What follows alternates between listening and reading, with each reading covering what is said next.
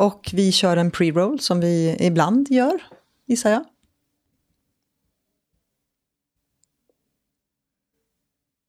Genom åren när vi har träffat företag och organisationer som arbetar aktivt med närvaro i sociala medier så har vi också stött på ett antal utmaningar. Framförallt så ser vi att ju större företag, desto högre komplexitet och fler utmaningar möter man.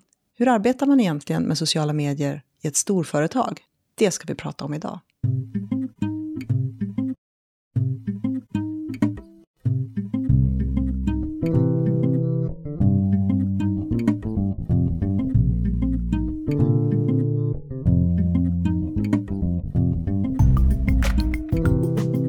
Hej, det här är podcasten Social by Default och precis som vanligt är det jag, Sara Larsson Bernhardt, som tillsammans med Deeped Niklas Strand driver den här podcasten. Vill ni kommentera avsnittet eller har idéer för framtida avsnitt? Twittra med hashtaggen Social by Default eller prata med oss på vår Facebook-sida. Podcasten sponsras som alltid av våra Patreons. Hej Sara! Hej Niklas! Hur är det? Det är bra. Det är fredag. Ja. Sen inspelning. Ja, men det har ju varit en lång vecka och du har ju faktiskt varit här sedan i måndags. Ja. Och arbetat. Mm. Inte bara här på 14-våningen där vi sitter nu i SKFs nya kulan. Vi har haft en eh, training session. Ja. Och sen jag har haft en workshop i ett annat projekt som jag är involverad i. ja, det tenderar ju att bli så när man är här, att man sugs in i andra projekt Ja. också. Det rullar på här. Ja, den har vi aldrig hört förut. Precis. Ehm, annat som har varit? Nej, men precis som du sa, alltså, vi började ju i måndags med att du kom hit och hade en workshop runt ett magasin. Att, att utveckla det och titta på vad man kan göra mer. Och sen training session runt strategin som vi har gjort för SKF Corporate. Precis, vi har spenderat två dagar tillsammans med eh, ett antal nyckelpersoner hos oss eh, och lärt dem det man behöver kunna. Eller åtminstone sett till att alla har samma nivå av kunskap när det gäller sociala medier. Och själva utmaningen är ju dels precis som du sa, vi har skrivit en strategi och nu ska den börja implementeras och då gäller det ju att folk förstår anledningen till varför mål och syfte ser ut som det gör och varför strategin är uppbyggd på det sätt som den är. Huvudsaken med, med den här utbildningen är ju också för att de ska bli bättre beställare och kunna ställa rätt frågor till byråer och samarbetspartners. Mm. Och det kommer vi ju prata lite mer om just det här med storföretag och utmaningar och saker som kanske ibland man, man behöver prata om och inte tänker på när man bara tänker sociala medier. Men en helt annan sak, nu har ju du varit här sen i måndag som sagt och det har ju varit väldigt, väldigt, väldigt kallt. Det har varit kallt här, men här har det ju inte varit speciellt mycket snö, vilket har varit så sjukt märkligt för en annan att då se alla snöbilder och det har varit så kallt och folk har varit på sportlov och det har varit 23 grader i fjällen. Och jag vet att jag har en bil stående som inte fungerar eftersom det var så vansinnigt kallt och jättemycket snö i Borlänge. Och det, jag har sett bilder med liksom på Vasagatan i Stockholm fullt med snö. Verkligen att jag åkte därifrån liksom. Och har sluppit det mesta. Nu får jag väl hoppas att allt funkar hem nu då med tåget. Precis, men det som är lite roligt är också att en arbetskamrat till mig kom in nu i morse och sa att vi i Göteborg får faktiskt lov att klaga över kylan. För nu var det en professor som studerar väder och studerar liksom känslan av olika väderförhållanden som då har verifierat att den jävligaste plats i Sverige att bo på är just Göteborg när det gäller kyla. Ja. Så nu får vi klaga. Inte, så det är inte bara regnet som regnar horisontell här i Göteborg utan också kylan som är värst. Ja. Eh, nog om väder. Eh, vad är på gång framöver? Ja, närmast som vi kan lyfta här i podcasten är ju att vi kommer ha en kurs på Bergs igen. Det är ju inte förrän i april, mellan den 25 till 27. Då tenderar det ju vara vår och körsbärsblom och ganska behagligt. Och där vet vi att eh, det finns några platser kvar. Vi hade ju redan väntelista från förra kursen som då har... Men det finns en del platser vad, vad vi vet. Så vill man gå den, självklart ska man anmäla sig redan nu. Du skrev en bloggpost här i veckan. Ja, plötsligt händer det. det gjorde jag. Jag har ju varit anställd nu på SKF i fem månader precis idag faktiskt. Och eh, fick en förfrågan från det rekryteringsbolag som var med i hela rekryteringen om, om jag kunde skriva en bloggpost just det här att gå från att vara konsult till att hamna på andra sidan. Utmaningar, känslor, vad var det som fick mig att ta steget? För att de märker att det är väldigt många av de frågorna som de får just i rekryteringsprocesser. Antingen att man går från ena hållet till det andra, som jag har gjort. Alternativt att man är van vid att komma från corporate kundsidan och faktiskt välja att ta steget över och bli konsult. Jättebra var det. Och eh, väl värd att läsa. Jag kanske ska skriva en egen bloggpost hur det känns att bli lämnad Jag menar i dina memoarer. i mina memoarer. Det stora sveket. Ja. Jag har inte skrivit en sån bloggpost. Jag har däremot eh, skrivit lite om tidsaspekter eh, i en LinkedIn-blogg.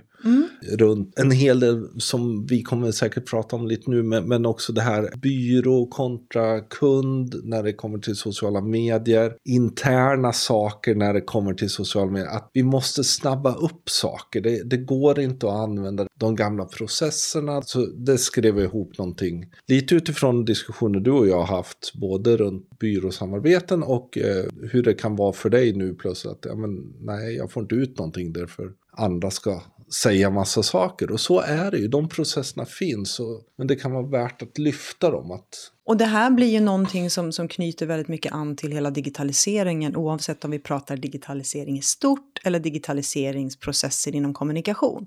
Och du har ju dessutom gått kurs sen vi spelade in podcasten Ja, jag har senast. gått, gå- gått eh, två tredjedelar av Dig Journey, att, att leda digitalisering. Det var spännande. Dels att hamna i en lite annan crowd. Vi var, vi var två PR marknadsföringskonsulter plus en som nästan är det. Och resten var, det var väldigt mycket organisationskonsulter.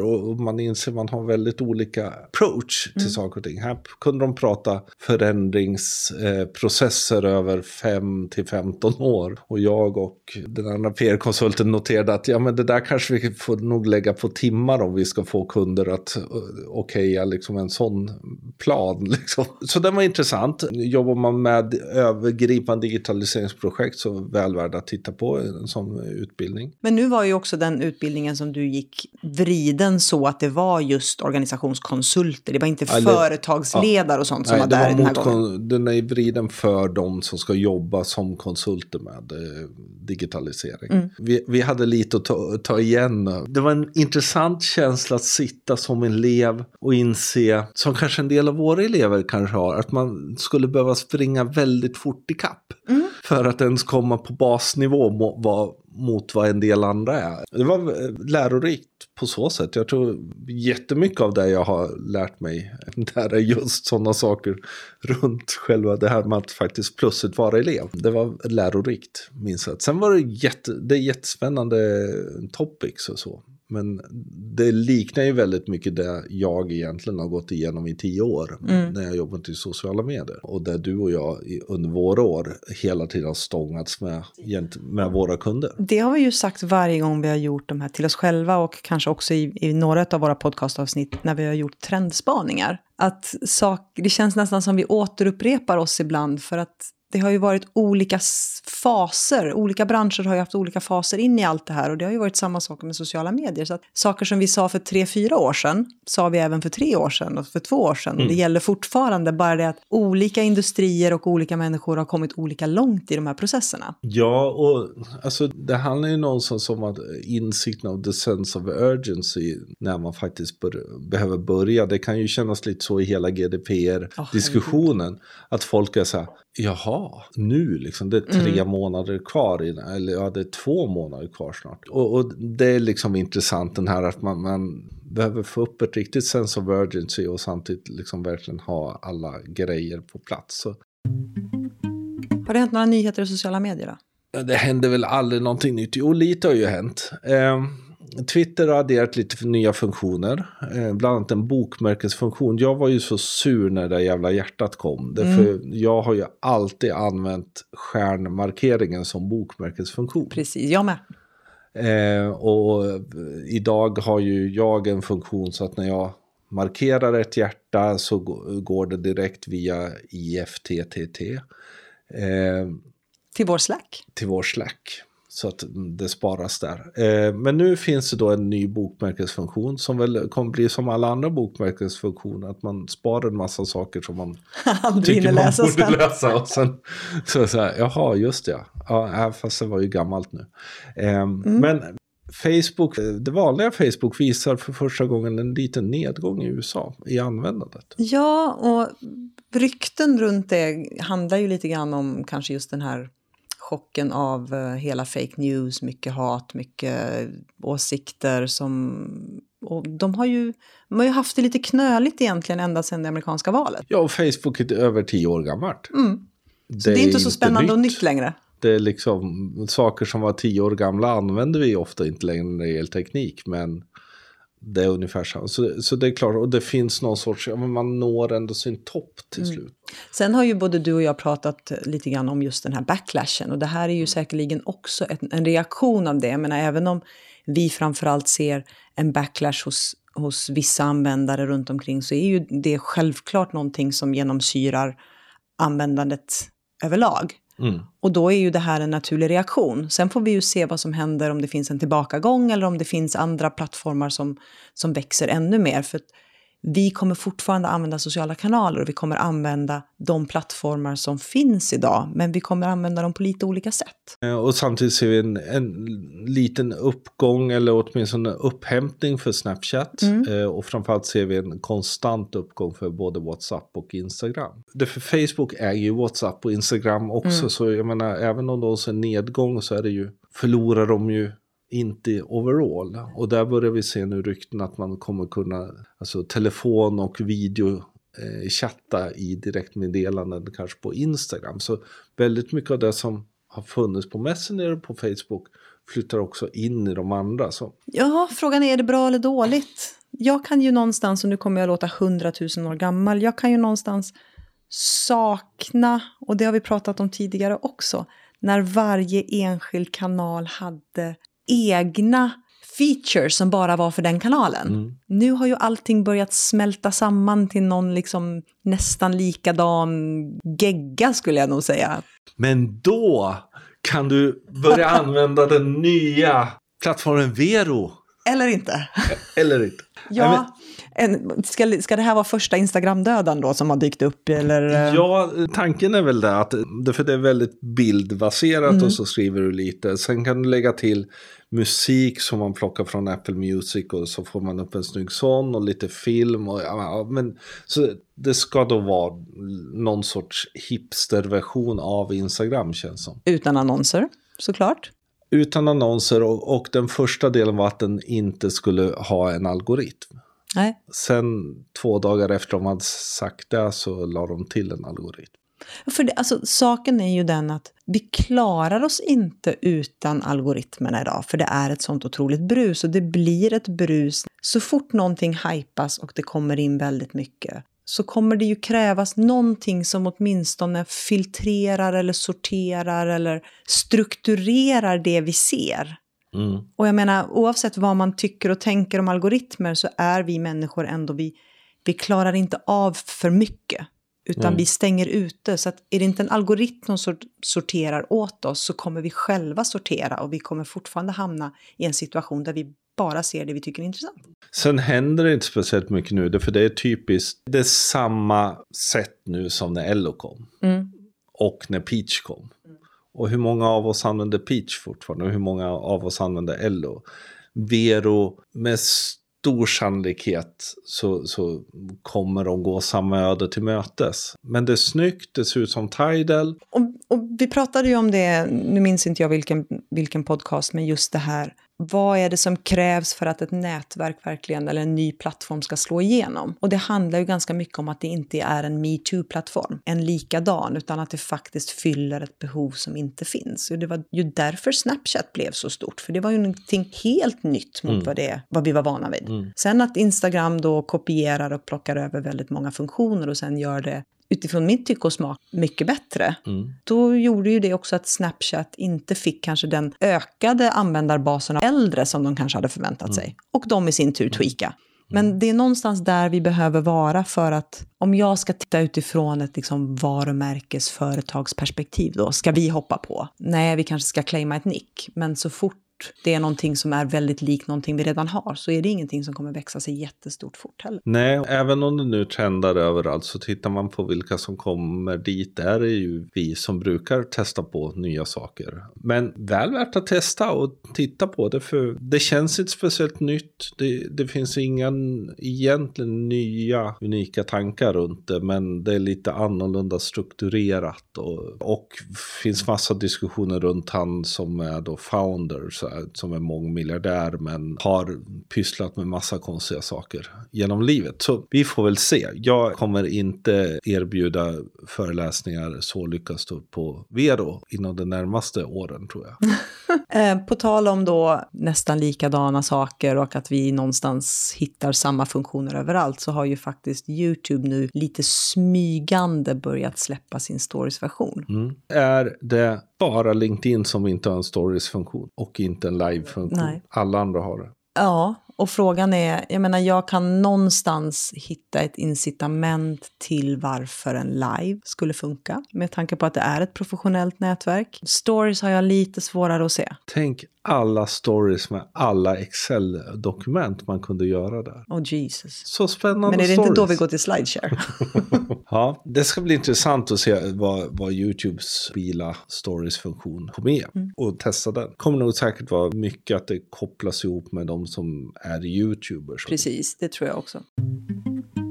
Så till dagens huvudinnehåll. Vi berättade lite snabbt i pre-rollen att vi skulle prata om utmaningar för större företag i sociala medier. Och då måste jag lägga en disclaimer. Även om jag idag arbetar som Head of Social på SKF så har både du och jag under flera år arbetat med stora företag, både inom business to business och business to consumer. Och det har funnits en gemensam nämnare. När ett företag blir tillräckligt stort så är det ett antal utmaningar som alla brottas med. Så det här samtalet som vi har nu kommer handla om alla företag och inget företag. Och, det är egentligen... och även organisationer. Ja. För jag menar, kommuner har ofta samma problem, även om de inte då har kanske sälj-sälj Nej. När det börjar bli komplext. Och det är mm. ju det du och jag ofta har jobbat med de senaste åren. Så det är intressant. Ja, men först brukar det ju innebära hur kommunikation och marknadsföring är strukturerat. Mm. Hur är avdelningen eller avdelningen faktiskt uppbyggda. Och det, det, vanliga är ju ofta att man har en marknadsavdelning som är också säljinriktad. Som mm. är liksom reklam och marknads där och man har en kommunikationsavdelning som är mer inriktad på varumärke, på att informera och kommunicera de mer övergripande företagsfrågorna. Och det här, det vanliga är ju någonstans att de sitter på två olika avdelningar ja, och två olika jobbar med sina egna, har sina egna intressen och inte sällan kanske de tycker den andra är jobbig och onödig. Och den som ska arbeta med sociala medier hamnar ju väldigt ofta mitt i. Mm. Och, och, så är, har vi ju upplevt flera gånger. Och det här är ju också, jag menar du har kommunikation, de sitter oftast någonstans och de jobbar precis som du sa med både intern kommunikation och extern kommunikation. Och sen har du sales and marketing. Därtill har du ju dessutom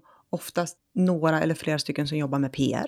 Och sen har du HR-avdelningen. Och alla de här arbetar ju med kommunikation på något sätt och vill använda sociala medier idag. Mm. Och det innebär helt plötsligt att, först, att vi har fyra olika grupper som ska samsas om ett antal kanaler. Mm. Och den första utmaningen som vi brukar möta när vi får ett uppdrag är ju egentligen vem är det som äger och driver kanalerna. Mm. För när vi har jobbat genom tiden så har vi oftast träffat kommunikation. Kommunikationsansvarig, kommunikationschef, informatör, kommunikatör som har arbetat med kommunikationen på, på daglig basis. Mm. Och det har ju oftast varit de som har givit oss uppdraget att hjälpa till med en strategi eller att hitta ett sätt att kunskapsutveckla och så. Men i det här jobbet så har vi ju väldigt ofta då också stött på sales and marketing. Mm. Eftersom de använder ju samma kanaler för att nå ut med sin marknadskommunikation. Framförallt vill de göra det mer. Många gånger kanske kommunikationsavdelningen har förstått sociala medier, sett att det här finns något att använda. Mm. Det finns ett värde för oss som ändå jobbar med någon sorts awareness, eh, de delarna. Men när säljarna faktiskt börjar säga att ja, men vi kan göra affärer på sociala medier, då vill man också vara med där. Problematiken ligger ju just i att ägarkanaler behöver ju någon göra som inte egentligen är kopplad på ett visst ställe. För annars blir det ju lätt så att HR äger LinkedIn. Mm. Och det kanske inte alltid är det bästa, framförallt om man, om man jobbar inom business to business så behöver man använda den kanalen till mycket mer än bara att skaffa sig nya anställda. Likaväl att det blir svårt om marknadsföring och sales bara tar över ett eh, Facebook-konto. Och framförallt när man försöker sälja på Instagram blir det också vissa, visst gnissel. både gentemot hur, hur, formatet fungerar och hur man tänker när det gäller content. Ja, för, för det finns ju liksom en skillnad i fokus och en skillnad egentligen i frekvens om man jämför bara kommunikation och sales and marketing. Om vi tittar på kommunikation till exempel, om man, om man tittar utifrån det perspektivet, så har du ju oftast på kommunikation ett ansvar på daglig daglig basis. Jag menar, pratar vi sociala medier idag och vi pratar om ett always on-tänk så är det ju oftast kommunikation som står för de dagliga uppdateringarna och måste göra det. Och då handlar det ju, precis som du säger, väldigt mycket om att bygga varumärke, att skapa uppmärksamhet, alltså awareness. Att hela tiden försöka driva innehållet mot ett engagemang så att man verkligen skapar de här relationerna som man är ute efter. Och jag menar det vi vet idag med alla algoritmer i, i kanalerna så behöver vi hela tiden se till att vardagskommunikationen genererar engagemang. Om man tittar på kampanjer eller sales and marketing som oftast jobbar med marknadskampanjer och marknadsaktiviteter, då är det ju de som någonstans lite då och då med de här marknadsaktiviteterna ska synkroniseras in i vardagskommunikationen. Dels gäller det ju då att man har ett och samma formspråk, en och samma känsla, men eh, sales och marketing ska ju bygga affären och generera ny affär och hitta liksom kunder eller potentiella kunder. Så att de har ju en helt annan call to action i sina marknadsinsatser än vad kommunikation har. Mm. Och här gäller det ju då att man hittar ett bra samarbete så att det fortfarande känns som att det är ett och samma företag. Och många gånger att man behöver se att då sociala medier behöver någon sorts, vad ska man säga, redaktionell eller del för att fungera. Nå någon som faktiskt ser helheten mm. mellan dem och också jobbar väldigt mycket med kundresan i det. För många blir då då fundersamma, ja men kan vi blanda ihop de här sakerna och blir inte folk trötta på det? Men det beror ju på dels hur noggranna vi är att jobba med kundresor och framförallt att, att inse att, att människor, vi har ett eget litet filter, en egen algoritm i skallen. Så vi, vi ser det vi är intresserade av och det vi är ointresserade av kommer vi ganska snart inte titta på. Ser vi till att vi ändå finns med och syns så pass mycket och gör tillräckligt många saker som många kan tycka är intressant så kommer det hela tiden dyka upp saker man tycker är intressant. Och du kan säkert hålla med mig när jag säger att genom åren när vi har jobbat med med flera olika kunder, att de kunder eller uppdragsgivare som har haft en tydlig riktning med sin kommunikation, haft tydliga kommunikationsplaner, har också varit de som har haft bäst synkronisering mellan kommunikation och sales och marketing. Planering, mm. otroligt viktigt personella resurser så att det finns någon som kan hantera och se det. Och just när det gäller tydliga riktningar och processer och liknande, det blir ju ännu tydligare om du har en, en kommunikationsavdelning eller en marknadsavdelning som jobbar över flera marknader. Alltså inte bara inom ett och samma land, utan även in för olika kulturer, olika tidszoner, olika marknader. Där man kanske behöver någonstans göra någonting på en central nivå, men sen också låta det sippra ner i, i mer lokala eh, aktiviteter. Det, för det är ju en ytterligare svårighet. Du har ofta ett så säga, övergripande, antingen om det är globalt eller så kanske du har en övergripande varumärke med ganska separerade segment i vad du ska göra. Och inte sällan så har man både en global, man har segment och man har lokala delar mm. när man ska öka komplexiteten ännu mer. Och då kommer ju alltid frågan en eller flera sidor, en eller flera konton, hur många Ska alla få sitt eget konto och sådana saker? Ja, och den, det finns ju inget rätt eller fel svar på det. Utan allting handlar ju om förståelse för hur sociala medier funkar och framförallt om du har redundans i organisationen. Att, att upprätthålla ett kvalitativt frekvent innehåll på flera sidor om flera sidor är det, det du känner att du behöver.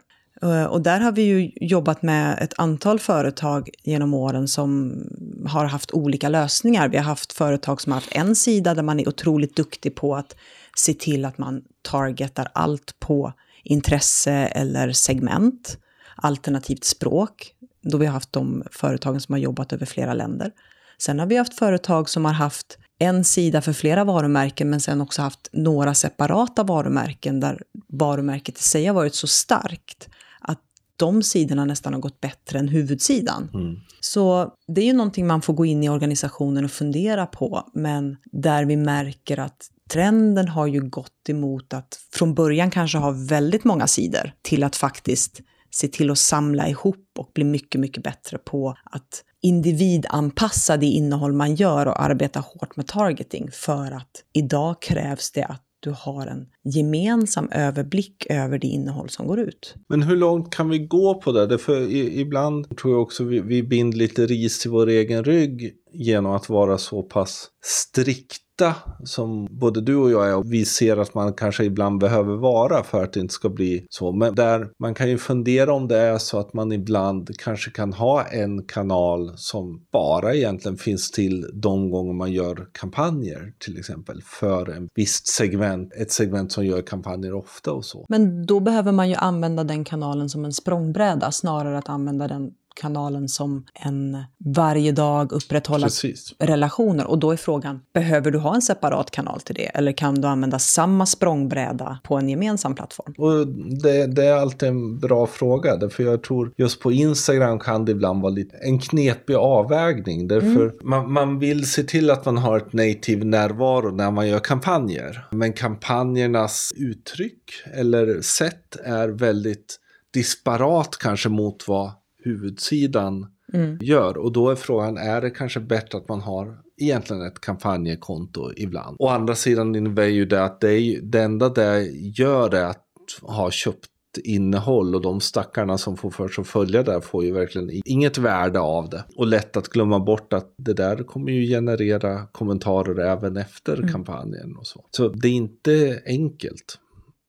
Många gånger kan man möta, tycker jag, också känslan av att de som då jobbar i det här och framförallt jobbat i det länge och kanske inte är så vana med sociala medier också kan tycka att ja, men så här kan vi inte jobba, så här kan det inte vara och så här, det här måste vi lösa. Men då glömmer man ju bort att sociala medier är inte gjort för företag. Nej, så är det ju. Eh, och det, det tyckte jag var en av de största insikter, eh, om jag nu ska återkoppla under de här två dagarna, just det här som har skett med, med algoritmerna. Att även om folk har varit vana vid att jobba och använda kanalerna så, så finns det saker som sker i kanalerna som gör att man hela tiden behöver jobba på nya sätt. Mm. Och utmaningen då för de som sitter och arbetar med detta, att hela tiden se till då att när det sker nya saker, att man har processer för att informera de som är beställare, de som är skapare av kampanjer, de som ställer rätt briefer mot byråerna, att de faktiskt tar med sådana här frågor när det gäller förändringarna i kanalerna. Just. Och här blir ju kunskap ganska viktigt. Mm. Och, och, där vi ibland kanske tänkte att ja, men nu måste alla kunna allting. Och så är det ju inte. Och samtidigt så finns det ju en, en kunskap som utvecklas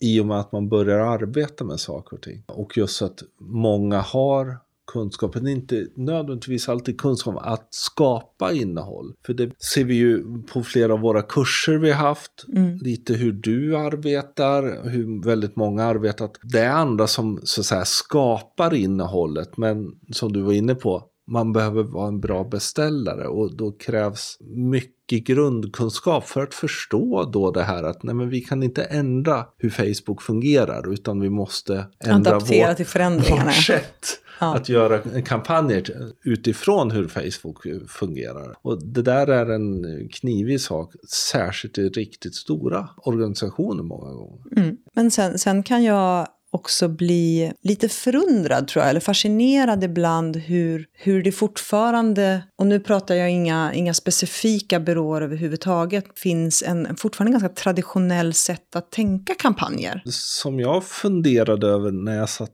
på den här digitaliseringskursen var just att har vi i kommunikationsbranschen, alltså vi som är konsult, har vi fullt ut faktiskt digitaliserat oss både vad det gäller mindset, vår kultur, våra processer och sådana saker. För att på bästa sätt kunna skapa innehåll som genererar den effekt och tar, upp den potentialen då sociala medier har. Och där tror jag tyvärr inte heller alltid en sociala mediebyråerna som då är specialiserade på det här fullt ut lyckas med alltid. Men det är ju en utmaning när allting går så fort. Och då blir ju utmaningen ännu större om man sitter i en, en stor komplex organisation. Så att jag tror att någonting som man behöver bli bättre på generellt, det är att hitta hitta forum för, för kunskap och processer som funkar så att man hela tiden internt följer med de förändringarna som, som sker utåt. Och just processer internt tror jag är otroligt viktigt. För det man ofta ser att det finns ju otroligt mycket bra innehåll mm. överallt i organisationen. Och det finns människor som antagligen skulle kunna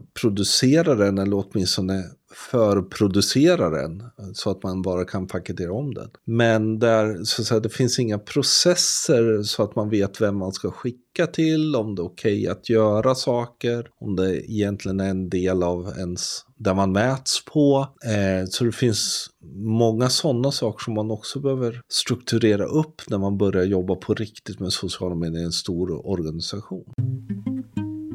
Har du några sådana här smarta tips hur man börjar? Du är ju i att, att börja dra i en massa tåtar. Mm. Jag tror att det första man behöver göra är att faktiskt titta på det från ett övergripande perspektiv, alltså ha hela paraplyseendet. Hur ser det ut generellt i hela organisationen? Vad är det, som, vad är det vi har? Vad är det vi gör som är bra? Vad är det vi, var är vi svaga någonstans? Och börja någonstans försöka lyfta upp de svagheter så att vi åtminstone finns på en väldigt, väldigt stabil samma nivå. Uh, utifrån det sen så behöver man, och, och där behöver ju vi alla som är vana vid att saker ska gå snabbt, framför allt om vi pratar i sociala medier, inse att man måste ta det ett steg i taget. Och här behöver man då hitta en prioriteringsordning. Vad är, vad är det absolut viktigaste vi gör först? Och det kan ju vara allt från att stänga ner sidor som är onödiga till att vrida om koncept för vissa innehållskanaler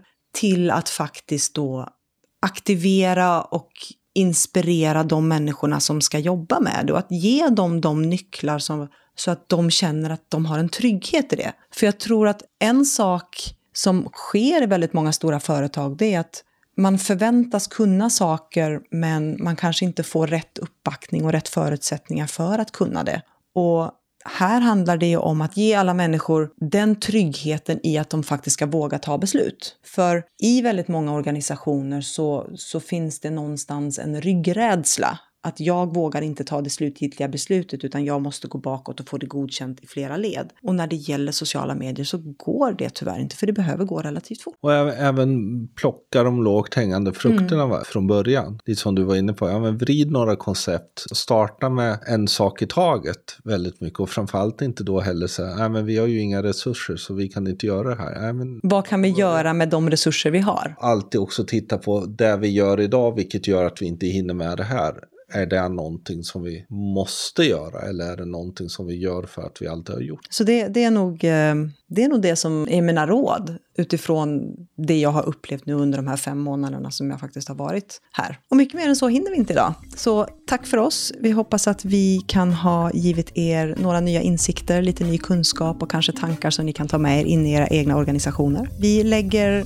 länkar som alltid både till mitt blogginlägg, Niklas blogginlägg och kursen till Bergs i våra show notes och de hittar ni på podcast.socialbydefault.se och glöm inte att prenumerera på oss. Vi kommer ju ut med ojämna mellanrum så prenumererar ni så vet ni alltid när det senaste avsnittet är ute. Och vi finns ju på iTunes, Soundcloud, Acast och Stitcher och det är bara att söka på Social by Default. Precis, och om ni gillar podcasten gå jättegärna in på iTunes och eh, betygsätt den och ge den lite recensioner. vore jättekul att höra. Vill ni stödja ekonomiskt? Patreon.com slash social by default. Och som vi tidigare sagt, tyck till med hashtaggen social by default. Och vill ni nå oss på Twitter eller Instagram eller Snapchat eller eh, för min del också Vero så heter jag Deeped precis överallt. Och jag heter Sanasi LB överallt, men ni hittar inte mig på Vero. Hej då.